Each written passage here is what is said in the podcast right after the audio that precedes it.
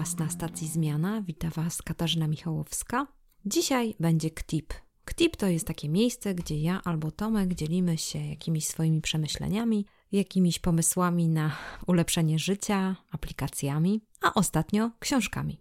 I dzisiaj również chciałam się z Wami podzielić pewnymi informacjami inspirującymi z pewnej książki. Ale zanim o tym opowiem, chciałam Wam opowiedzieć o pewnej historii, która mi się przydarzyła kilka lat temu. Otóż do mojej redakcji doszedł chłopak, który był, bym powiedziała, w potrzebie. Takie miałam wrażenie. Otóż zrobił sobie gdzieś tam jakiś dziennikarski staż, nie mógł się troszeczkę odnaleźć i widziałam takie też zagubienie w jego życiu. Był, yy, mówił też o tym, że jest chory i naprawdę przejęłam się tym. Chciałam mu w jakiś sposób pomóc i być życzliwa wobec niego. I prosiłam też o pomoc różnych moich przyjaciół, żeby zachęcili go do tego, żeby, mm, żeby spojrzał na pewne sprawy z innej strony, y, też jakiś taki pomoc mentorów, ubiegałam się o pomoc mentorów, też y, szukał pracy, więc też starałam się pomóc mu w znalezieniu pracy.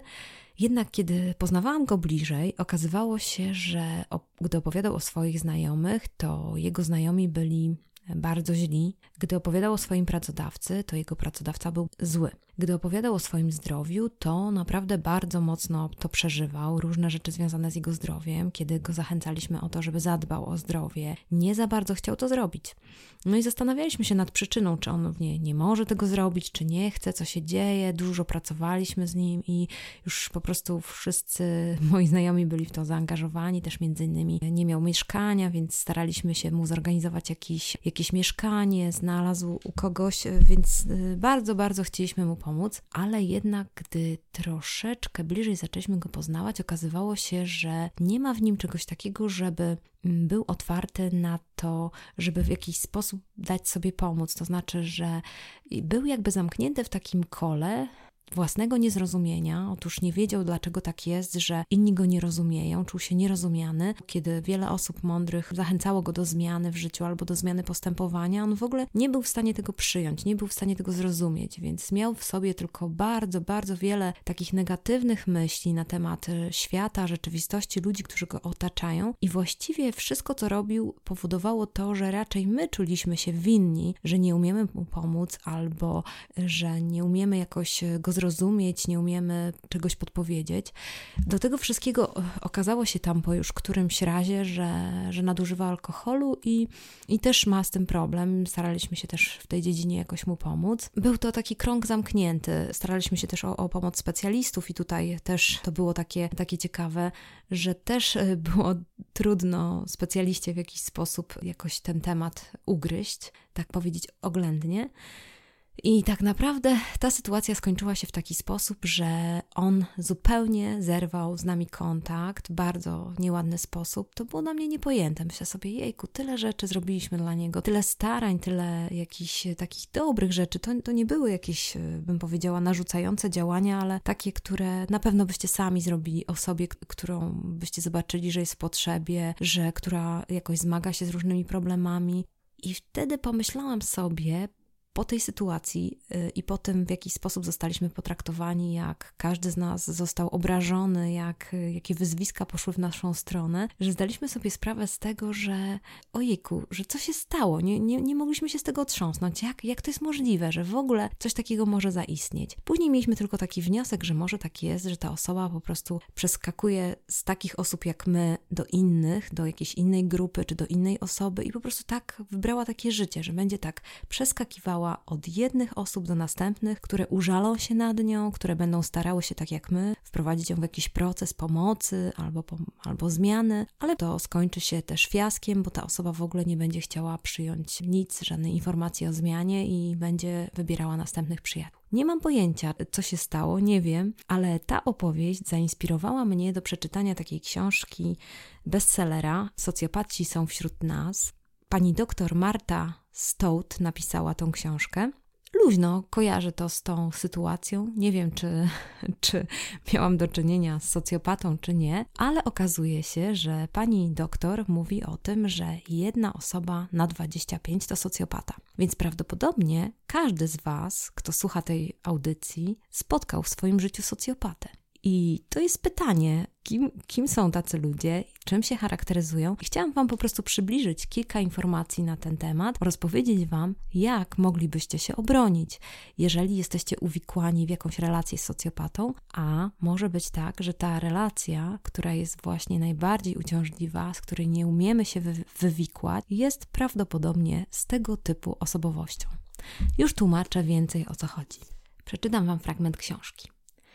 Wielu specjalistów zajmujących się kwestiami zdrowia psychicznego określa posiadanie sumienia w ograniczonym stopniu lub jego braku jako osobowość antyspołeczną. Brak sumienia nosi również inne nazwy. Najczęściej stosowane to socjopatia i trochę bardziej znana psychopatia. Według czwartego wydania Biblii Psychiatrii, diagnostycznego i statystycznego podręcznika zaburzeń umysłowych Amerykańskiego Towarzystwa Psychiatrycznego, rozpoznanie kliniczne osobowości antyspołecznej sugeruje występowanie u badanej osoby przynajmniej trzech spośród następujących siedmiu cech. I uwaga. Po pierwsze, niezdolność do postrzegania norm społecznych. Po drugie, nieuczciwość, skłonność do manipulacji. Po trzecie, impulsywność, nieumiejętność planowania przyszłości. Po czwarte, drażliwość, agresja.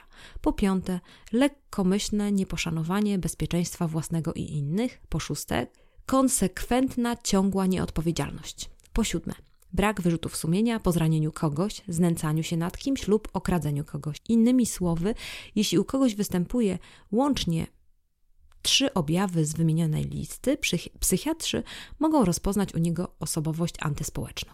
I uwaga, czytam dalej. Ponadto socjopaci w większym stopniu niż inni poszukują podniet, co skutkuje częstym podejmowaniem ryzyka w wymiarach społecznym, fizycznym, finansowym i prawnym. W typowy dla siebie sposób oczarowują innych, przekonując do współuczestnictwa w niebezpiecznych przedsięwzięciach. Jako grupa są znani z patologicznej skłonności do kłamstwa, do oszustw oraz z pasożytniczych relacji z przyjaciółmi. Bez względu na wykształcenie i pozycję społeczną osiągniętą w dorosłym życiu, w młodości sprawiali zazwyczaj problemy wychowawcze, niekiedy przyjmowali narkotyki lub popełniali przestępstwa, czemu zawsze towarzyszyła odmowa wzięcia odpowiedzialności za spowodowane przez siebie problemy. Socjopaci są znani zwłaszcza z płytkich uczuć, z powierzchownej i przelotnej natury, wszelkich przejawów rzekomo odczuwanej przez siebie serdeczności oraz z szokującej bezduszności. Nie ma w nich ani krzty empatii, żadnego szczerego pragnienia podtrzymywania emocjonalnych więzi z partnerem. Gdy znika powierzchowny urok ich małżeństwa, okazują się pozbawione miłości, jednostronne i prawie zawsze krótkotrwałe. Socjopata uznaje żonę lub męża za swoją własność, której utrata może wzbudzić w nim, niej, złość, lecz nigdy nie wywoła smutku ani poczucia winy. Współmałżonek przedstawia więc dla socjopaty jakąkolwiek wartość tylko jako rekwizyt. Wszystkie te cechy wraz z listą objawów socjopatii sformułowaną przez Amerykańskie Towarzystwo Psychiatryczne stanowią behawioralne przejawy tego, co większość z nas uznaje za niepojęte zaburzenie psychiczne, brak bardzo istotnego siódmego zmysłu, czyli sumienia. Ta groźna, budząca lęk, a jednak prawdziwa cecha charakteru występuje u 4% populacji. Czy jedna osoba na 25 osób jest niestety socjopatą. I właściwie powiem Wam, że kiedy to analizuję i kiedy czytałam tą książkę, ciągle zmagałam się z takim doświadczeniem, że jejku, jejku, no nie ma takich ludzi, nie ma takich ludzi, ale z drugiej strony gdzieś tam coś mi podpowiadało, że jednak jest, że są ludzie, którzy nie mają sumienia. Autorka też wyjaśnia, że tak jak osobowości narcystyczne nie mają empatii, to jest w odróżnieniu do osobowości socjopatycznej, to jest osoba, która nie ma sumienia. Autorka również zastanawia się nad tym, koncypuje, co to znaczy sumienie, y, jaką ono ma wartość w naszym życiu, czym ono tak naprawdę jest. I jedną z rzeczy tylko Wam przeczytam, bo jest y, bardzo ciekawa. Sumienie może nas nakłaniać do podejmowania pozornie nieracjonalnych, wręcz autodestrukcyjnych decyzji, poczynając od trywialnych, a kończąc na heroicznych. Od niepojawienia się na spotkaniu o ósmej do zachowania milczenia podczas tortur w imię miłości do ojczyzny może nami w ten sposób sterować, ponieważ jego paliwem są nasze najsilniejsze uczucia. Odczuwamy zadowolenie, gdy jesteśmy świadkami czynów motywowanych głosem sumienia, nawet tak prozaicznych jak nakarmienie psa, lub gdy o nich słyszymy, ponieważ kiedy wybór zgodny z głosem wewnętrznym przypomina nam o łączących nas serdecznych więziach. Więc sumienie jest bardzo trudne do definicji. Ona tutaj dużo, dużo pisze na ten temat. Bardzo ciekawa e, lektura. Odnosi się też do jakichś wartości duchowych, do naszych emocji, stara się, przywołuje różnych filozofów. Bardzo ciekawa sprawa. ale jednak jedną z rzeczy, którą tutaj porusza, to jest y, takie pytanie, że żyjemy w takim świecie, że właściwie bycie bez sumienia jest nawet często pochwalone. Dlatego, że na przykład taki sprzedawca, no najlepiej, żeby nie miał sumienia, po prostu sprzedawał, sprzedawał, sprzedawał. I zupełnie ta autorka, ani ja też osobiście, nie zgadzam się z tym, bo tak naprawdę posiadanie sumienia to jest coś najpiękniejszego w naszym życiu. To jest właśnie to podejmowanie tych irracjonalnych decyzji, które są powodowane naszymi głębokimi więziami, naszym głębokim przekonaniem, że coś jest dobre. I teraz, jeżeli mamy do czynienia z osobą, która nie ma sumienia, a sami mamy sumienie, to nam się w głowie nie mieści, że ktoś może nie mieć tego sumienia. I często jest tak, że nawet dlatego miałam ten dyskomfort czytając tą książkę, że myślę sobie, nie, nie, to jest niemożliwe. Kiedy czytałam o tych różnych przykładach, przypadkach, zaczynałam się sama zastanawiać, czy ja miałam takie doświadczenie, że ktoś mnie potraktował tak, jakby nie miał sumienia. I niestety tak było. Kilka razy w moim życiu zdarzyło się tak, że jakbym miała do czynienia z osobą, która naprawdę nie ma sumienia, która zupełnie nie odczuwa jakiegoś dyskomfortu z powodu tego, jak traktuje innych ludzi. Nie odczuwa zupełnie dyskomfortu z powodu tego, że kogoś się zwyzywa. Nie odczuwa zupełnie żadnego dyskomfortu, że pnie się po szczeblach kariery, że manipuluje, że kłamie, że używa jakichś y, forteli lub jakichś nie wiadomo jakichś konstrukcji, żeby uzyskać swoje cele. I to jest ciekawe, bo osoba, która nie ma sumienia, jest osobą, która jest skupiona na tym, żeby jej racja była na wierzchu, żeby, żeby jej dobro się rozwijało, a z drugiej strony manipuluje na przykład stanem zdrowia, opowieściami różnymi o innych ludziach, jak była skrzywdzona, co przeżyła. Więc tutaj nam się włącza empatia i współczucie i chcemy tej osobie pomóc, a z drugiej strony może się okazać, że ta osoba w ogóle tego nie chce, po prostu chce tylko osiągnąć pewien efekt. E, ciekawą też jest rzeczą to, że w tej książce autorka mówi o tym, że tak naprawdę osoby, które nie mają sumienia, są godne politowania, godne pożałowania, ze względu na to, że te osoby tak naprawdę serio nie wiedzą, co się dzieje, nie rozumieją świata wokół nich, nie rozumieją, dlaczego ludzie pewnymi y, takimi irracjonalnymi y, rzeczami się w swoim życiu posługują.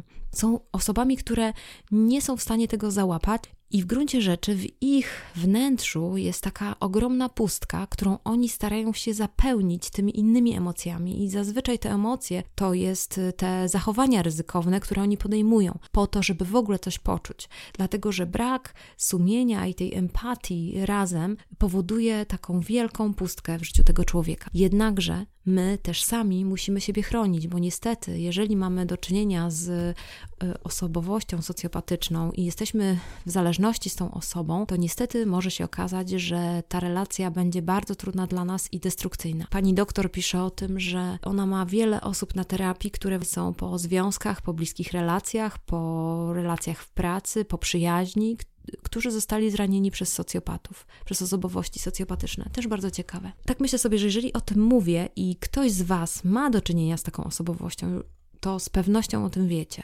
bo na pewno ta relacja uwiera Wam jak kamień w bucie. Więc jeżeli już teraz tak sobie pomyślicie, a do tej pory nic tu ciekawego nie było, to tak naprawdę spokojnie możecie wyłączyć tego ktipa. Ale jeżeli ktoś z Was jest w takiej relacji, która właśnie uwiera Was, to być może jesteście w relacji z socjopatą.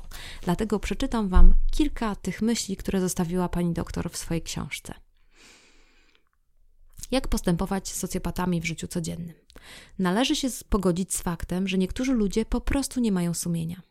Po drugie, w razie zaistnienia sprzeczności między tym, co podpowiada Wam instynkt, a implikacjami społecznymi funkcji pełniącej przez tą osobę. Na przykład jest to wychowawca, lekarz, lider, miłośniczka zwierząt, humanista, rodzic. Posłuchajcie głosu instynktu. Instynkt Wam to podpowie. Po trzecie, gdy zastanawiamy się nad wejściem w jakikolwiek nowy związek, zastosujmy regułę trójek w odniesieniu do stwierdzeń i obietnic składanych przez interesującą nas osobę oraz do tego, jak traktuje ona swoje obowiązki. Stosujmy tę regułę we wszystkich kontaktach osobistych. O co chodzi? Jedno kłamstwo, jedno złamana obietnica lub pojedyncze zaniedbanie można to y, nazwać nieporozumieniem.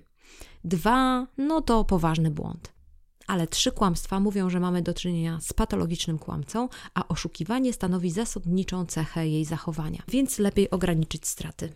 4. Kwestionujmy rzekome autorytety.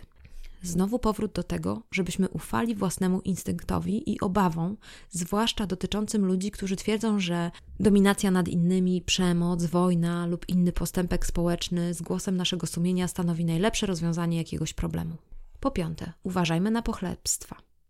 Komplementy sprawiają nam radość, zwłaszcza gdy są szczere.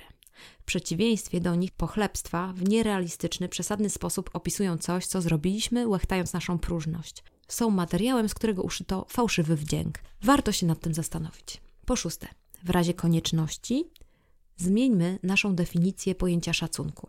Zbyt często bierzemy strach za szacunek, a im bardziej się kogoś obawiamy, tym bardziej postrzegamy go jako postać zasługującą na poważanie.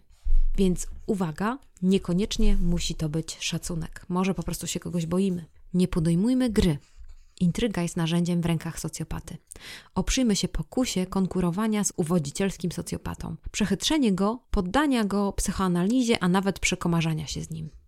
Po ósme, najlepszym sposobem obrony przed socjopatą jest unikanie go, odmawianie wszelkich kontaktów i niepodejmowanie z nim żadnej dyskusji. Po dziewiąte, pohamuj skłonność do zbyt łatwego litowania się nad innymi. Wiadomo, że tutaj nie chodzi o to, żebyśmy wyłączyli swoją empatię i litość, ale po prostu litość zarezerwujmy dla ludzi niewinnych, naprawdę cierpiących, dotkniętych nieszczęściem. Jednak y, socjopat ma doskonały dar wyczuwania tego, że tak działamy, może niestety tutaj dotykać w ten delikatny punkt naszego sumienia. Nie próbujmy ratować tego, co stracone. Drugą, a także trzecią, czwartą i piątą szansę można dać ludziom mającym sumienie. Jeżeli mamy do czynienia z osobą go pozbawioną, musimy się nauczyć przełykać gorzką pigułkę i ograniczać poniesione straty. Ja od razu mówię, że ja tego nie umiem. Bardzo szybko zapominam, bardzo szybko wybaczam i niestety w niektórych relacjach wiem, że powinnam wcześniej zareagować, wcześniej słuchać intuicji. Jedną z mądrych rad pani doktor daje,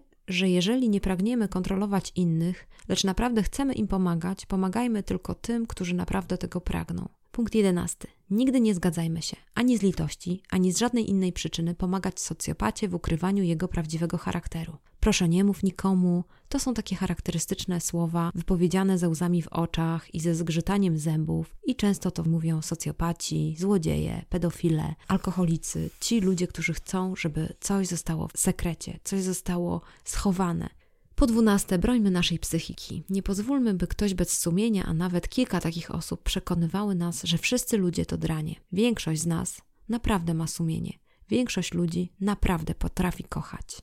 Trzynaste, dobre życie to najlepsza zemsta. Kochani, Sumienie jest przepiękną sprawą, empatia jest przepiękną sprawą. Nie dajcie się kłamstwu tego świata, które mówi o tym w naszej pracy, być może w tym, że ktoś chce Was zachęcić do wielkich, super ekstra wyników, do tego, że sumienie jest złe, że realizujecie coś, jakieś działania podejmujecie z powodu Waszych najgłębszych wartości, że ktoś powie Wam, że to jest nie okej. Okay. Sumienie, empatia, pomaganie innym, bycie mm, otwartym na innych ludzi jest spoko. Ale pamiętajmy, że czasami może się zdarzyć w naszym życiu ktoś, kto nie ma sumienia i będzie starał się to wykorzystać. Więc życzę Wam tego, żebyście mieli intuicję, żebyście słuchali swojej intuicji i byli jej wierni, ale najbardziej, żebyście byli wierni swoim głębokim, osobistym wartościom. Dziękuję bardzo. Dzisiaj dłuższy tip, dlatego że temat poruszający i, i ciekawy. Lektura Socjopaci są wśród nas jest załączona w tym ktipie, wydana przez wydawnictwo Znak bardzo niedawno. Kto jest zainteresowany, zachęcam do lektury.